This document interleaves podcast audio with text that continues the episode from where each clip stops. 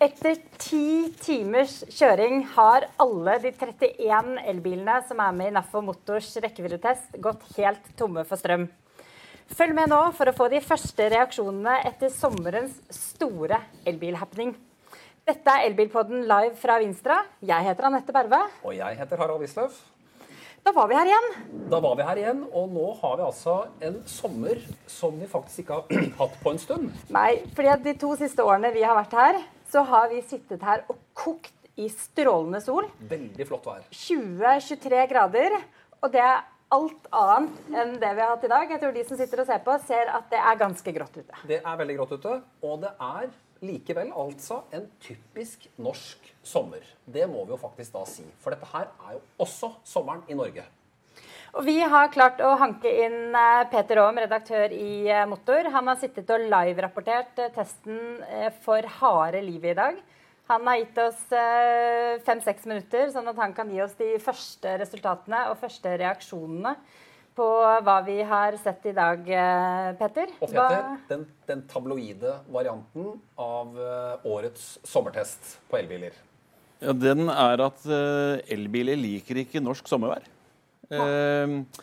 Det er egentlig ganske overraskende hvor store utslag vi har. Eh, det har vært regn og, og, kjølig på deler av turen, men det har ikke vært så aller verst. Det har vært mye oppholdsvær. Kjørt på tørr vei store deler av uh, første fase på turen. Et uh, par regnskurer, men ikke mye. Og likevel så har vi av 31 biler i testen 21 som ikke klarte VLTP. Og det, det er mer enn vi trodde. WLTP er altså da den uh... WLTP er en laboratorietest og, på, rekkevidde. Uh, på rekkevidde og forbruk. Og det gir en indikasjon, en god indikasjon på hva biler klarer i normalt godt vær. Men det er noen ting som de elbiler ikke liker. De liker ikke regn, de liker ikke kulde, de liker ikke bratte oppoverbakker. Denne turen i dag har hatt regn og litt oppoverbakker. Det er nok til at uh... Regn, kjølig og oppover. Dette er jo Norge også på sommeren. Petter. Ja, det er Norge på sommeren, og det er særlig Norge i de deler av landet hvor vi nå skal få det store elbilpushet, nemlig nordover. Eh, det vrimler elbiler rundt Oslo og Bergen, men eh, skal elbiler bli allemannseie i Norge og hele, hele, hele, landet, så må de bilene tåle å kjøres i norsk vær. Og her er det altså til forskjell fra de tidligere sommertestene vi har gjort, hvor man har da med stor overvekt gått over WLTP, så ser vi nå at eh, nå skjer ikke det. Nå skjer ikke det. Altså, vi har kjørt disse testene nå i tre-fire år.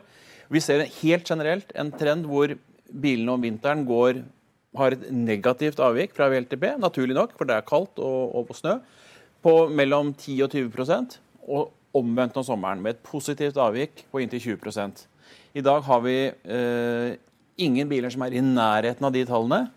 Men vi har biler som har et negativt avvik på 20% over 20% og det er sjokkerende høyt. Hva er highlights? Altså, Hvilke biler er det som nå har si, skuffet mest når det gjelder rekkevidde på norsk regnføre på sommeren? Det er litt vanskelig. Jeg tenker at Vi kunne se på eh, produsentlandene. Så har vi noen ganske kraftige kontraster.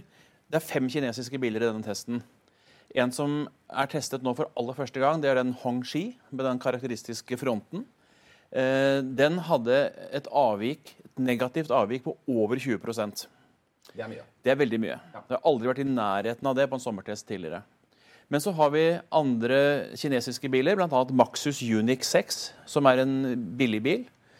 I utgangspunktet den korteste rekkevidden i testen, vel 350 km. Den gikk 9% over VLTP. Imponerende bra tall. Eh, nå skal det sies at vi, vi, kjører jo en rute som har stigning etter eh, 35 mil, og biler som eh, Det spises mye rekkevidde på den fasen mellom 35 mil og, og opp til 45. Så det er, det er ikke en eh, det er, det er ikke noen vitenskapelig test, men det gir et anslag på hva vi opplever når det er, vi drar ut på tur norsk langtur hvor det alltid er et fjell eh, et eller annet sted. Mm. Det vi jo kanskje aller mest var litt spente på i dag, eh, som, eh, som, vi var litt bekymret for i dag morges når vi så hva værvarselet faktisk endte opp med å bli, var jo at vi hadde håpet at vi skulle knuse en rekkevidderekord i dag. Mm. Eh, det er jo Tesla Model 3. eh, som har den stående rekkevidderekorden. Og den eh, Tesla har vært alene om å ha rekkevidderekordene. Først med Tesla Model S, så med Tesla Model 3. Vi trodde Mercedes EQS eh, skulle ta den i dag, med tanke på at den er en WLTP-rekkevidde på 711. Det er langt. Det er jo utrolig langt. Og som sagt, det tok jo ti timer før eh, Øyvind, som kjørte den bilen, til slutt gikk tom for strøm. Det er en lang kjøretur. Mm. Eh, men den klarte ikke å slå Teslas rekord. Nei, og den hadde et stort avvik. 12% Vi kjørte også en firehjulsdrevet EQS. Dette er jo ekstremt flotte og luksuriøse og dyre biler. Det er ikke hvermannsen-biler. Eh, men det er interessante som et mål på hva slags rekkevidde vi nå ser en utvikling mot. Men også den firehjulsdrevne varianten hadde et avvik på nesten 8% Mer overraskende var det at den nye sedanen, EQE, e, som var ute for test nå for aller første gang, hadde et avvik på 17% Den hadde et veldig høyt forbruk hele tiden. På den andre siden for, for eh, Mercedes så har deres EQB et positivt avvik. Så den har hatt en, en bedre tur i dag enn, enn, ellers. Men Tesla er helt suverent den bilen som går lengst. Og imponerende nok i dag så hadde vi da en Tesla Model Y, en Kina-produsert, Shanghai-produsert eh, Tesla Model Y. Den gikk 7% lenger enn rekkevidden, over 540 over 550 km, hvis jeg husker riktig. Utrolig imponerende. Veldig, veldig lavt forbruk. Så Tesla klarer altså likevel å bite seg fast i dette med rekkevidde, selv på dette føret. altså. På dette føret, Kjempetall for den Model Y-varianten som var med her. Og den nye som nå produseres i Berlin, og som de fleste som kjøper eh, Model Y nå får, den har jo lengre rekkevidde, 2,5 mil lengre rekkevidde enn den vi hadde i denne testen. Og så skal vi bare få sagt det til alle dere seerne, at uh, årsaken til at biler ikke er med nå i testen, er jo at vi kjører én vintertest og én sommertest av hver bil. Eh, så, så, sant det ikke er en stor endring i modellen, så betyr det da at eh, biler som ikke er testet nå i år, i sommertesten, de er ute av testen fordi de har vært med i sommer- og vintertest. Så, det, så nå er det noen biler som er med i har vært med i vintertest og er med i sommertest.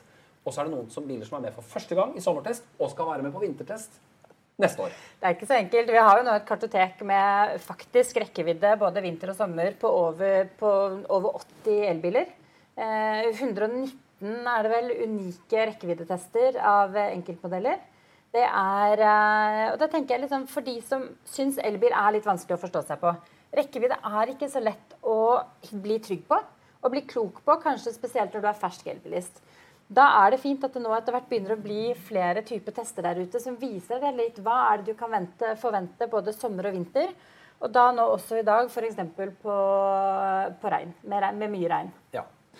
Og så vil jeg bare si det, det er jo mange, For mange er det ikke rekkevidde det avgjørende. Ikke sant? Vi hadde med en, en eh, Ford Mustang Mach-E er jo en veldig populær bil. Den er ikke med i årets test fordi vi har den, testet den tidligere. Men vi hadde en GT-utgave. En herlig bil å kjøre. Fantastisk bil å kjøre. Men det er ingen rekkeviddeløve. Og den har også et relativt høyt avvik på dette føret. Men jeg mener at det, man skal ikke se seg blind nødvendigvis på tallene, men klare å tolke dem. Skal du kjøpe en bil som har lang rekkevidde, så er det ikke en GT-variant du kjøper. hva enn du nå gjør. Eh, men, men, eh, men, den var, var med, og hadde et forbruk som lå omtrent på VLTP, men, men litt kortere rekkevidde.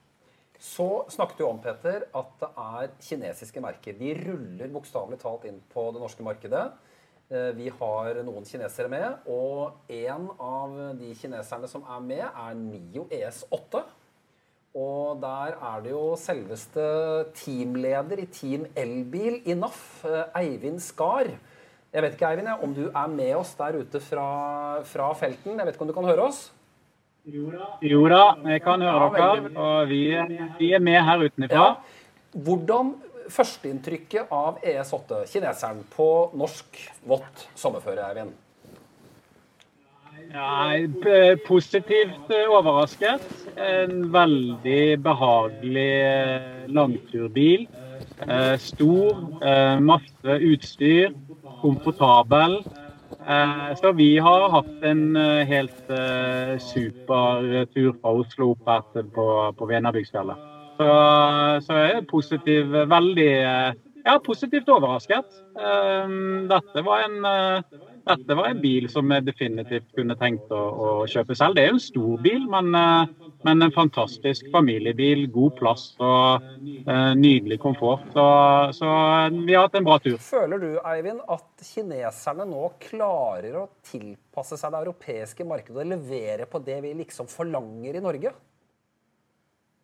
Ja, det tenker jeg absolutt når jeg ser på denne, ser på denne bilen her. Så nå er dette en, en seksseter, men uh, det, er, det er, gode seter, det er komfortabelt. Uh, de to bakerste setene er også helt greie å bruke uh, dersom du ikke er veldig høy. Det er en god sånn kvalitetsfølelse på hele bilen.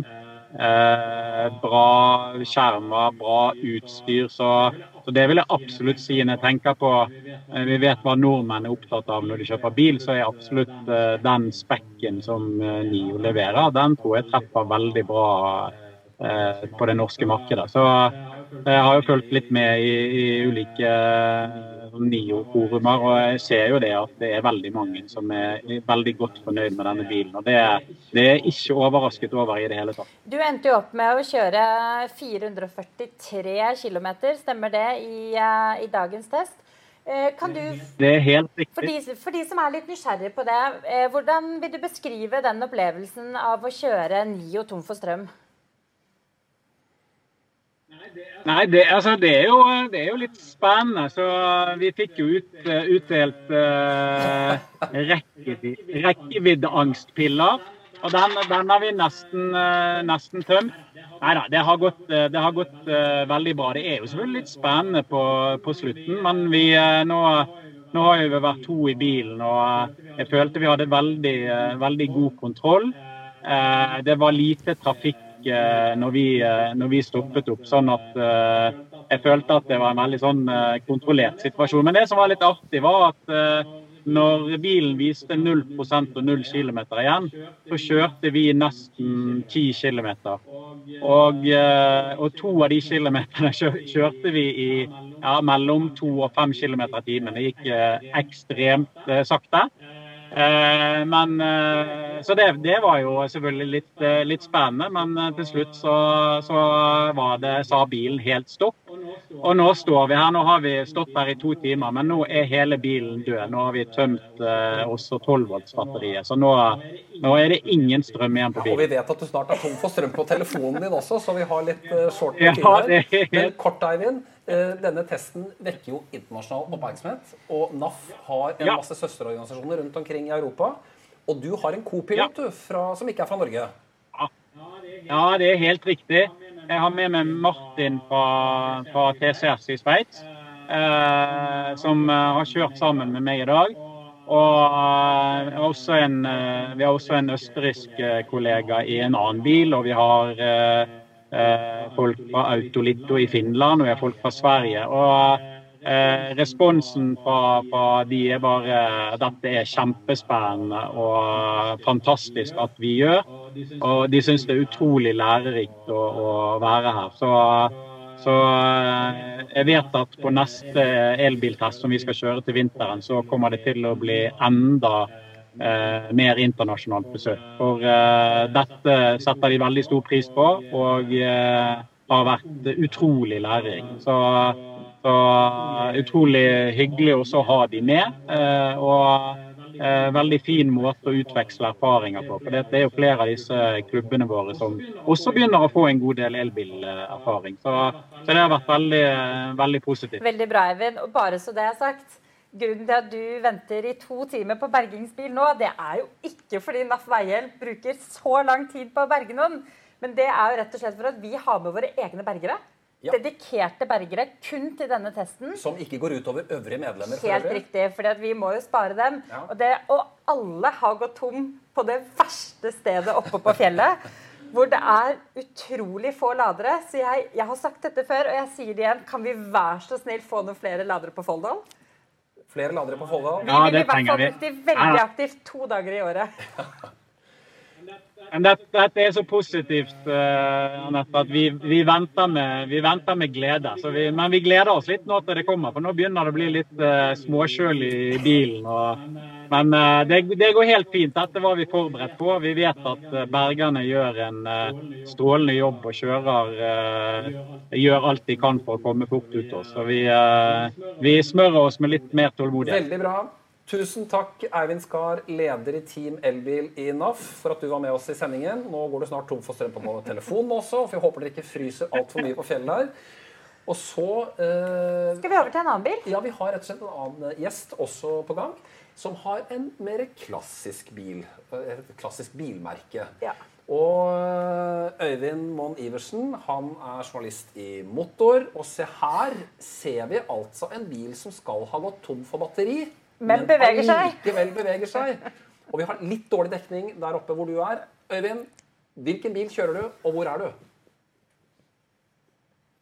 Jeg kjører en Mercedes, eller har kjørt en Mercedes CKS 45. Kjører vel for så vidt fortsatt, men jeg sitter nå på flaket til en berger fra Dombås bil.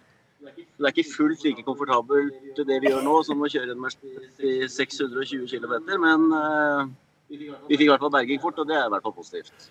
Hvordan, altså, hva er ditt inntrykk av den Mercedesen du kjører nå? Med både hensyn til komfort altså Mercedes er ja. komfortkongen. Og ikke si. bare det, men dette er vel testens dyreste, ja, testens, dyreste elbil? Ja, dyreste elbil. Øyvind, førsteinntrykk? Ja, det er vel testens nest dyreste elbil, tror jeg. For den Mercedesen med firehjulsdrift er vel enda dyrere. Men uh, den er svært komfortabel.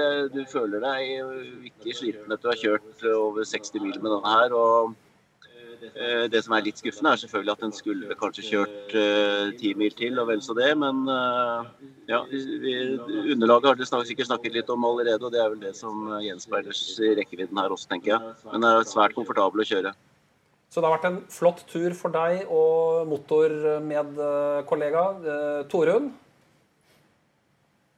Torunn sitter og holder uh, i kameraet her mens hun slenger fra side til side. Men hun er uh, like flink til å holde kamera som hun har vært til å notere ned rekkevidde og tall underveis. Men Øyvind, uh, du har jo vært med på rekkeviddetestene siden vi, siden vi startet med denne målingen. Hva er dine tanker om den utviklingen vi nå ser? At vi faktisk har med en bil som på papiret skal gå hele 711 km. Det var vi ikke i nærheten av, egentlig, da vi, ikke, da vi begynte. Nei, Utviklingen går rasende fort. og nå, I dag så har man jo biler til nesten hvert, hver bruk og hvert formål og hvert, hvert personlig behov. og Rekkevidde sånn som det fungerer i dag, selv på en dårlig dag så kommer du 60 mil. Da begynner den rekkeviddeproblematikken å forsvinne mer eller mindre. så Da er vi over på dette med ladeproblematikk og ladeinfrastruktur og antall lader osv.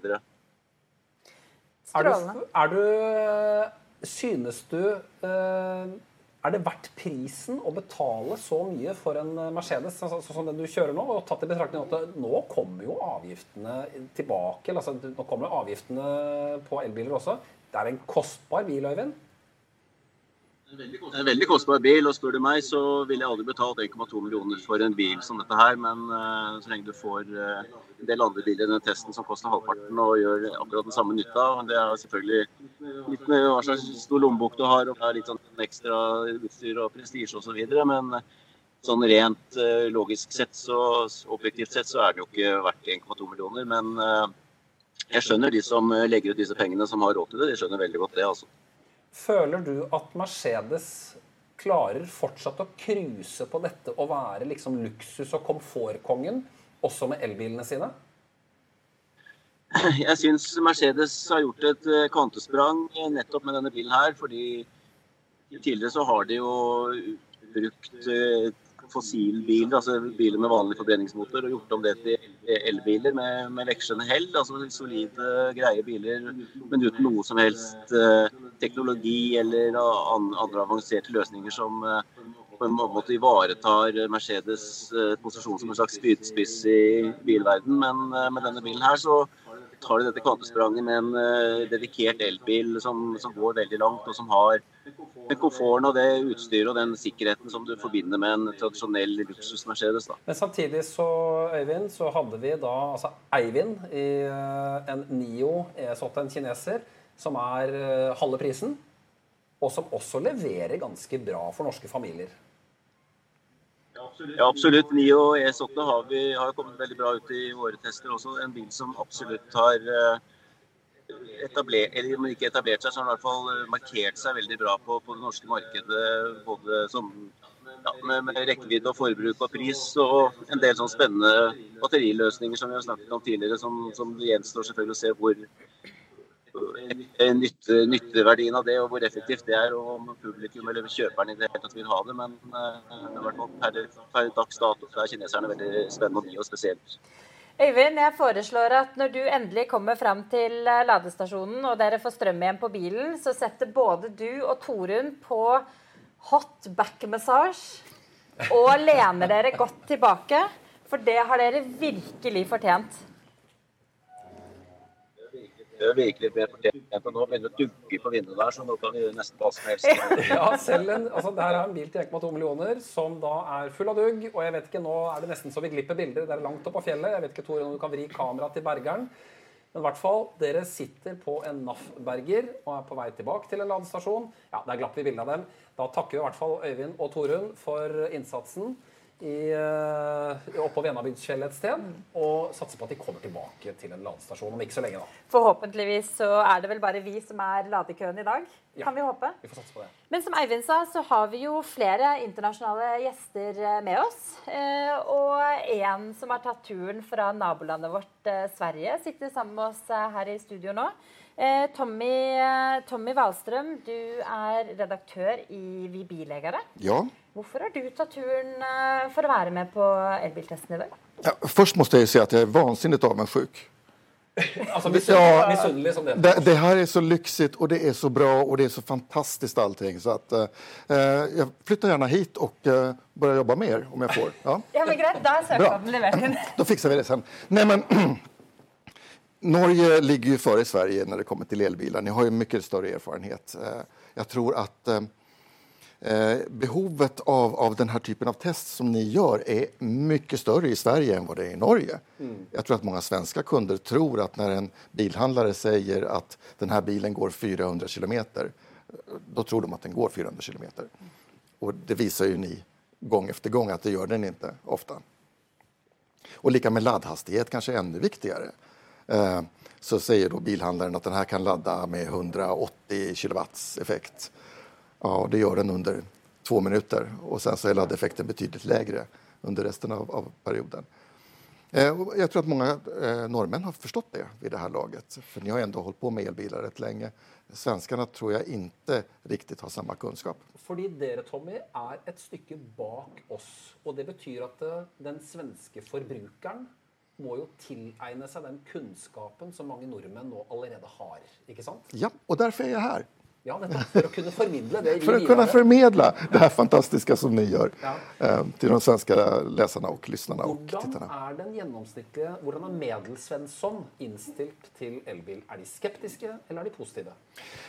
Jeg tror at eh, mange har vært skeptiske. Eh, og just rekkevidd har jo vært en spørsmål som mange har fundert over. Og man kan bare kjøre 40 mil hur ska jag kunna ha en sån bil? Och sen så tänker man inte på att i vardagslag så kör man kanske fyra mil per dag mm. max. Ja. Men, det, um, så att, eh, men, men, jag tror att det där börjar svänga och sen så också i Sverige så har man gjort en rad politiska åtgärder som gör att det blir väldigt mycket dyrare att köra fossilbil jämfört med att köra elbil.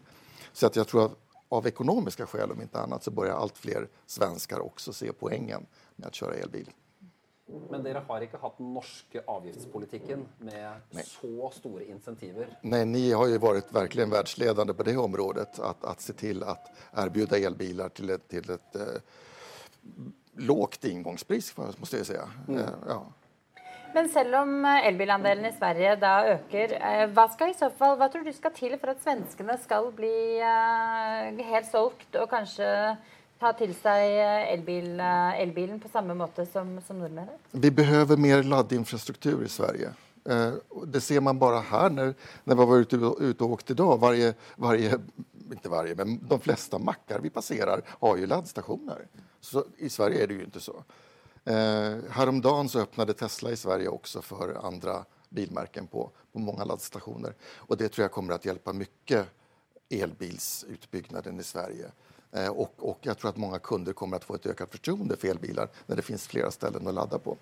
För det är ju så att i vardagen så klarar man sig alltid. Då laddar man ju hemma eller på jobbet. Och kan man inte ladda hemma eller på jobbet så köper man inte en elbil. Men, men problemet blir ju då när man ska åka på semesterresa till fjällen eller till stugan eller till Norge eller vart man nu ska åka. Eh, och så, då behöver man ju den här laddinfrastrukturen. Och när den då är så begränsad som den är i Sverige och vi har ändå en hyfsat stor elbilsförsäljning nu så blir det ju oerhört trångt på de laddstationer Ja, som finns. Problemet i Sverige nå er at det säljs mange elbiler, 25 procent av nybilsförsäljningen men ungefär. ladenettverket henger ikke med. Nej, inte alls. Hvordan skal man løse det, tror du, i Sverige? Ja, det, det, det är ju en fråga. Alltså det finns statliga initiativ, initiativ för att då bygga laddstationer i gles, glesbebyggda områden. Eh, Det har varit svårt att få intressenter som har varit intresserade av de här bidragen för att bygga. Eh, Det har varit trögt att få igång investeringar från stora eh, bolag som Circle K eller OKQ8 eller sådär. Ehm, jag tror att just Teslas öppning av sina supercharger kan hjälpa. Men eh, vi får Og kan kanskje gjøre at andre aktører også kommer på banen og får bygd ut. Men, men du sier jo det at det svenske politikere burde eh, legge til rette, og kanskje at man har insentiver for å kunne få flere ladestasjoner i Sverige. Ja, et problem med svenske politikere er jo at man har noen slags inneboende mistro mot bilen og bilismen. Biler er onde, och bilister er onda. Alle skal åke tunnelbana oavsett om man bor i Norrbotten eller i Stockholms innerstad. Men du får ikke tunnelbana i Norrbotten. Nei, det er en del av problemet. Men, men, eh, men, men jeg tror at, at det, fins også en, en, en rørelse innom den svenske politiken at, att alla människor kan inte cykla utan ibland så behöver man också en bil för att klara vardagen. Och jag tror att eh, ni i Norge har insett det på ett annat sätt än vad vi har gjort. Tommy, hva slags bil har du kjørt i dag? Idag har jag kört eh, BMW i4 M50. Eh, sportversionen av den där. Ja, nu kör man ju inte riktigt sportigt när vi åker runt på, Det på kommer, i, det kommer i morgen, Tommy. Jo, det kommer imorgon? Ja, det kommer imorgon. Wow, ja men då så. Da skal du ikke ta rekkeviddetest. Da er det laddetest, Da er det lov å slippe seg litt mer løs. Innenfor grensene, da, selvfølgelig. Takk. Men dette er jo norske daler og eh, flott føre, men dette er jo også et svensk vær. ikke sant? Med regn og ikke så veldig varmt. Nej. Eh, og du har jo da fått uh, kjenne på rekkevidde i dag som ikke Det det gikk jo ikke langt over WLTP, på, selv på BMW heller. Nei, men det gikk enda 6-7 over WLTP hos... Men en av de få som kom over. Ja, ja, det var jeg som kjørte. Ja, nei, jeg skojar. Det var det, det, Nei, men eh, Jeg tror at noen her var inne på det tidligere, men, men eh, tillverkare som har gjort sitt jobb på riktigt eh, lyckas ju även under sådana här förhållanden att prestera goda resultat. Om man, har, om han har fuskat någonstans så märker man ju det under tuffare förhållanden. Och eh, vi såg att båda BMW-bilarna idag gick väldigt bra. Och, det, och Tesla har ju också gått bra. Det tyder på att man har gjort sin läxa och att, eh, gjort ett bra jobb.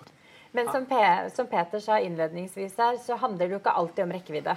Eh, rekkevidde er bare en måte å komme seg Det er noe man trenger for å komme seg fra A til B, men så skal man jo kose seg også når man fraktes fra A til B. Og I4 M50 er jo en kjøremaskin.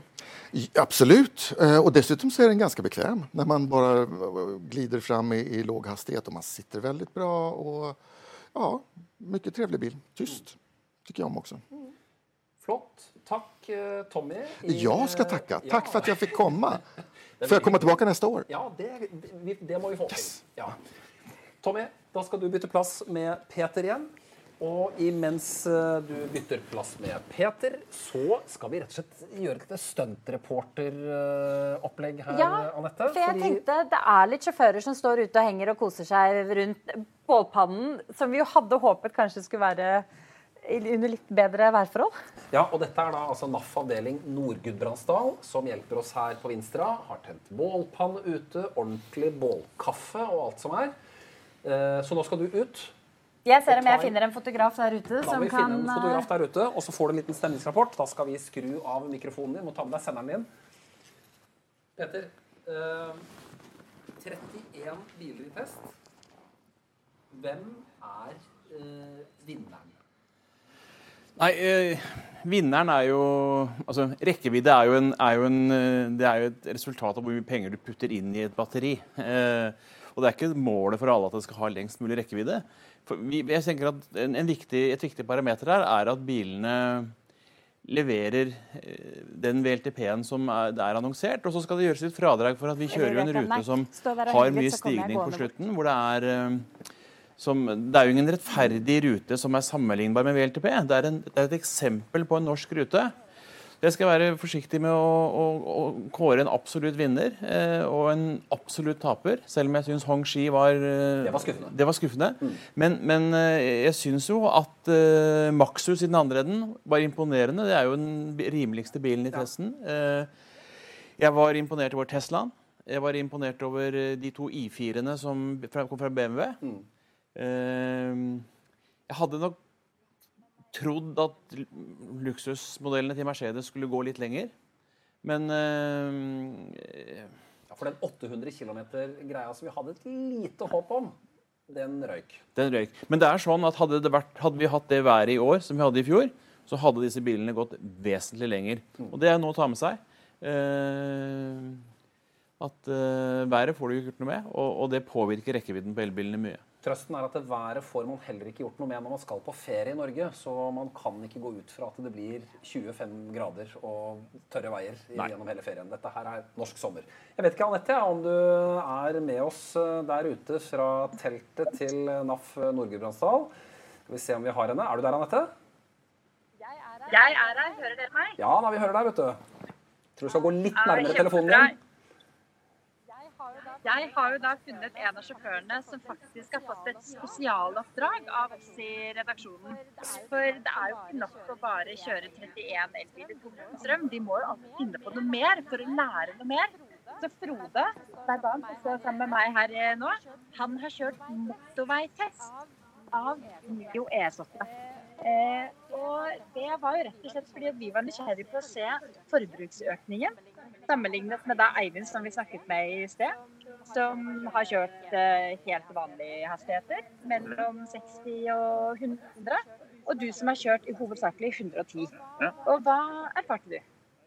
Jeg var jo litt uh, uheldig med været i utgangspunktet fra Oslo. Uh, jeg kjørte da fra Vulkan opp til Ulven, og så ut på motorveien. Og jeg møtte da regnværet ganske fort.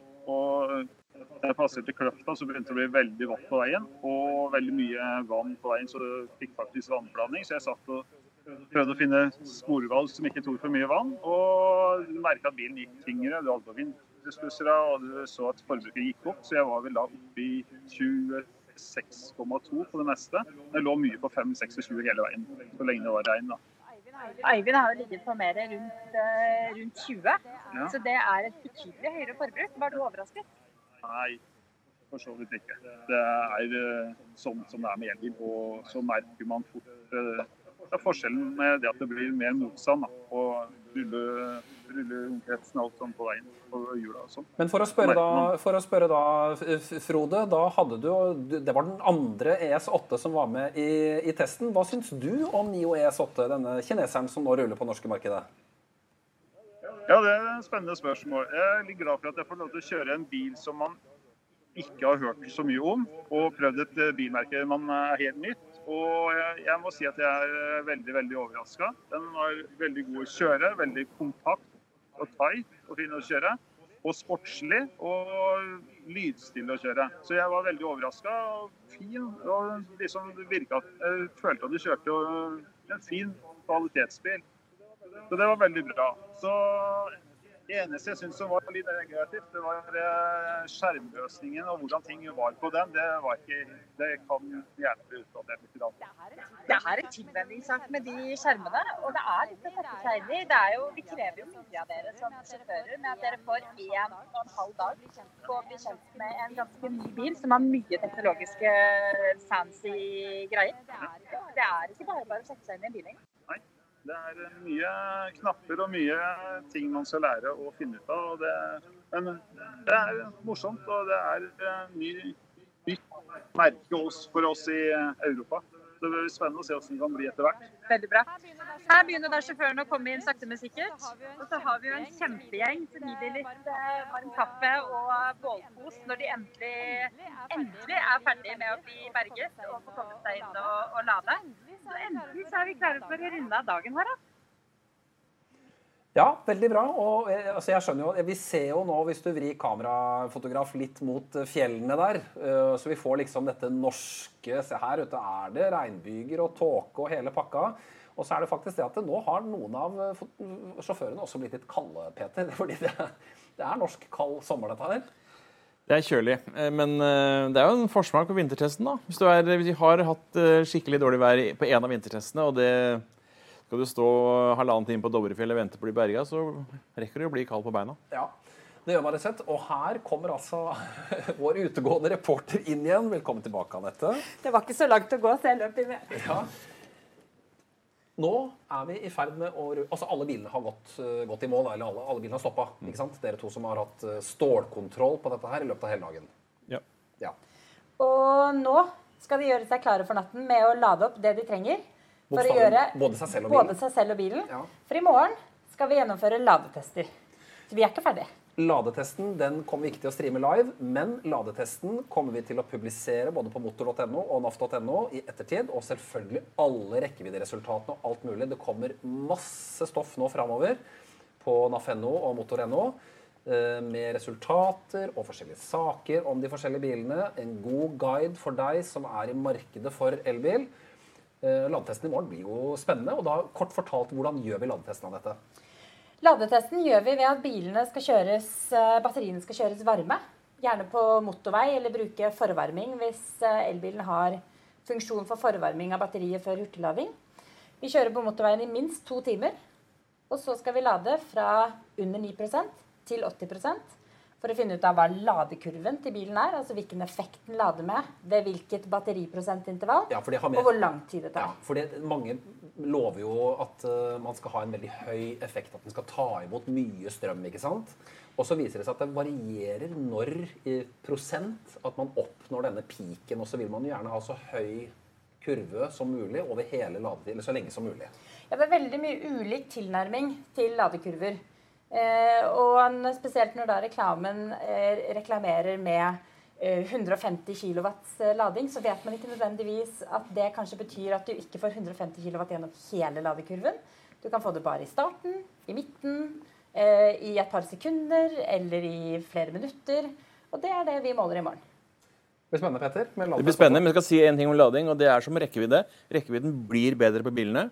Batteriene utvikles. Ladetiden blir også bedre på bilene. Og det vil, om, om fem år så snakker vi om helt andre ladetider og antagelig helt andre batteri- eh, og rekkeviddelengder enn vi gjør i dag. Det var en god punchline, det må jeg si.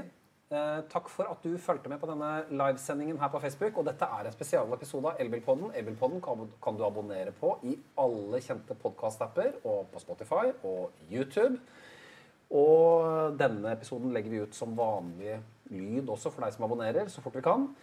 Og så ses vi og høres igjen i en ny episode når vi får summet oss litt etter testen av dette.